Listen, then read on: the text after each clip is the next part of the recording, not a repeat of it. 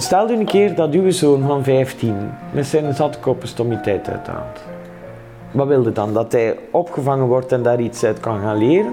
Of wilde dat we hem voor een jaar achter slot en grendel steken, zonder meer? Ah ja, zo. Ah ja. Het is, het is zoeken naar hoe krijg ik nu in godsnaam toch beleidsmakers overtuigd van belang en de zinvolheid van mensenrechten en kinderrechten. Hoe komt dat zij daar niet van overtuigd zijn? Wat, wat maakt, zit dat in vorming?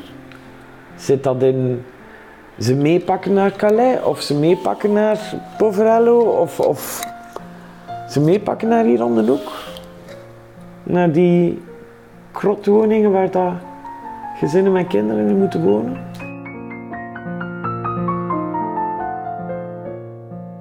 Maar ik wist niet wat ik wou doen, dus als ik het niet weet, dan studeerde rechten. En na vijf jaar wist ik het nog niet. Dan dacht ik, ik had jeugdbeschermingsrecht willen doen en dat zat niet in het pakket van de rechten. Was Dat bij criminologie. Oh ja. En dan hadden we les van Verhalen, die is juist gestorven, staat daar nog ergens in je goedel. En ik had daar eigenlijk een vrij goed examen bij. Op, allee, een vrij raar examen. Het ging langs geen kanten, een mondeling examen. Was in de criminologie dan? Ja. En toen zei hij van, kijk, dat gaat hier niet vooruit. Hè. We gaan dat anders doen. Stel dat minister van Welzijn zei, waar geeft hij geld aan? En dan begon ik ze te vertellen over een soort ombudsdienst. En hij was daar, ik wist dat niet, was daar ook vrij fan van. Ja, ja, dat is, dat is het. Een uur en een half we daar gezeten. Koffie bij, sigaret. Dat was super. Dat was zoiets gelijk kinderrechtencommissariat eigenlijk. Waarom vonden dat dat zo nodig was dan? Dat je dat in je examen... Omdat jongeren eigenlijk nergens zelf autonoom naartoe kunnen.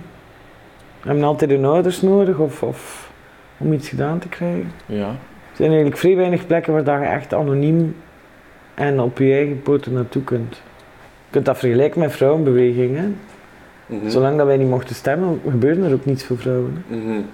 Dus minderjarigen mogen niet stemmen, dus niemand, niemand werkt daarop. Mhm.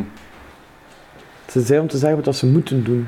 Gelijk bij kinderopvang, er zijn duizenden onderzoeken die aantonen hoe belangrijk dat, dat is. Ja. Voor hun later leven, voor levenslang leren, voor... Mhm. Het gaat wel vers, hè? minder criminaliteit, al ja, zo allemaal niet dingen. Maar dat is allemaal voor later. Ja.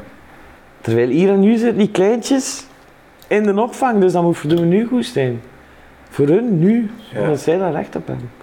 Niet omdat het ons later beter uitkomt. Het is grappig dat je dat al zat te bedenken tijdens een examen. De... Ik heb dat eigenlijk altijd wel boeiend gevonden. Ik weet niet waarom. Misschien omdat ik zelf zoveel chance gehad heb, ik weet niet. Ja? Wauw, gooi die jeugd, hè. Eigenlijk alle kansen gehad die we, die we maar konden hebben, gewoon. Dus ik denk misschien dat dat daardoor komt, ik weet het eigenlijk niet. Je hebt ook voor Amnesty geschreven, toch? Hè? Ja, ook. Als ik puber was, briefjes, in het weekend. ik ken toen het mensenrechtenverdrag nog niet, hè, maar dan een journalist opgesloten wordt omdat hij iets schrijft, dat is toch beangstigend. Ja. En als je dan kunt proberen daar iets aan te doen door een onnozel briefje te schrijven, dat duurt 10 minuten. Maar je geloofde dat je daar iets aan kon doen met een briefje? Ja, en ik probeer dat nog steeds. Mijn geloof is wat aangetast, maar ik probeer dat nog altijd te geloven. Waarom is het aangetast dan? En door alles wat we rondom ons zien. Zo een wetsvoorstel van die woonsbetreding. Hallo? Dat, dat, dat, dat gaat toch niet? Dat kun je toch niet maken? Dat staat in onze grondwet, dat, u, dat uw huisvrede dat dat heilig is. En dan onder het grote mom van, van het gevecht tegen terroristen en de vluchtelingenstroom, gaan de mensen een beetje gaan, gaan hun grondwettelijke rechten gaan afpakken. Dat gaat toch niet? Als je Voor mensen die, die, die iets willen positief doen voor mensen in nood, die gaan we gaan aanpakken. Die met Panama Papers, dat is iets anders, die laten we gerust. Hè? Ik vind dat niet normaal. Maar mijn geloof is aangetast als je ziet ja, wat dat er in je omgeving gebeurt. Hè? Hier voor mijn deur die krakers die ineengemot worden door voetbalhooligans. Twee weken later een betoging van fascisten die eigenlijk al een serieuze tour mogen doen in Gent. En dat wij zij denken dat, dat constant gecultiveerd wordt. Ik vind dat, ik vind dat beangstigend. Serieus. Dus ja, dat moet je, dat moet je, aan niets kunnen vasthouden. Hè. En dan al die mensen die over normen en waarden bezig zijn. Nou wel, de norm, een van de basisnormen is het mensenrechtenverdrag. Kinderrechtenverdrag. Dat zijn normen, hè? dat zijn bindende regels. Dat zijn wereldwijd gemaakte afspraken. Dus dan moet er toch iets zijn die af en toe zegt van jongens, je gaat erover. Je bent niet goed bezig. Dat blijkt toch voor, voor minder en minder mensen zo de Bijbel te zijn, gelijk dat. Ah, wel, het is daar dat ik schrik voor heb, inderdaad. Dat is voor zo... En vooral voor beleidsmensen vind ik... Ik, ik vind niet dat Jan in de straat zich daar dag in dag uit mee moet bezighouden. Doe dat ook niet.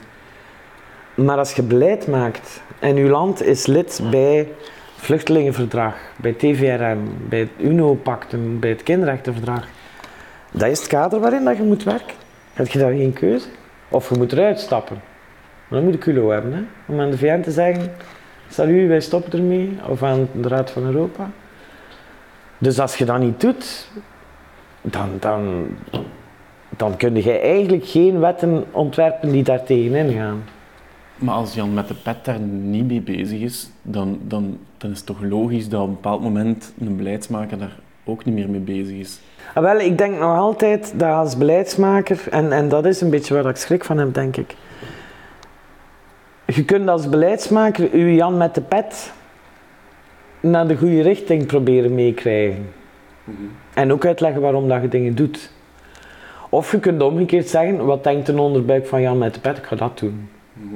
Dat is de gemakkelijkste weg. En dan heb je de volgende verkiezing binnen. Ja. Hè? En het eerste is inderdaad zo'n beetje, oei, oei, oei, we gaan de burger vormen. Ja. Lijkt of dat die burger een idioot is, dat is ook niet waar. Hè? Mhm. Sommigen wel. Maar...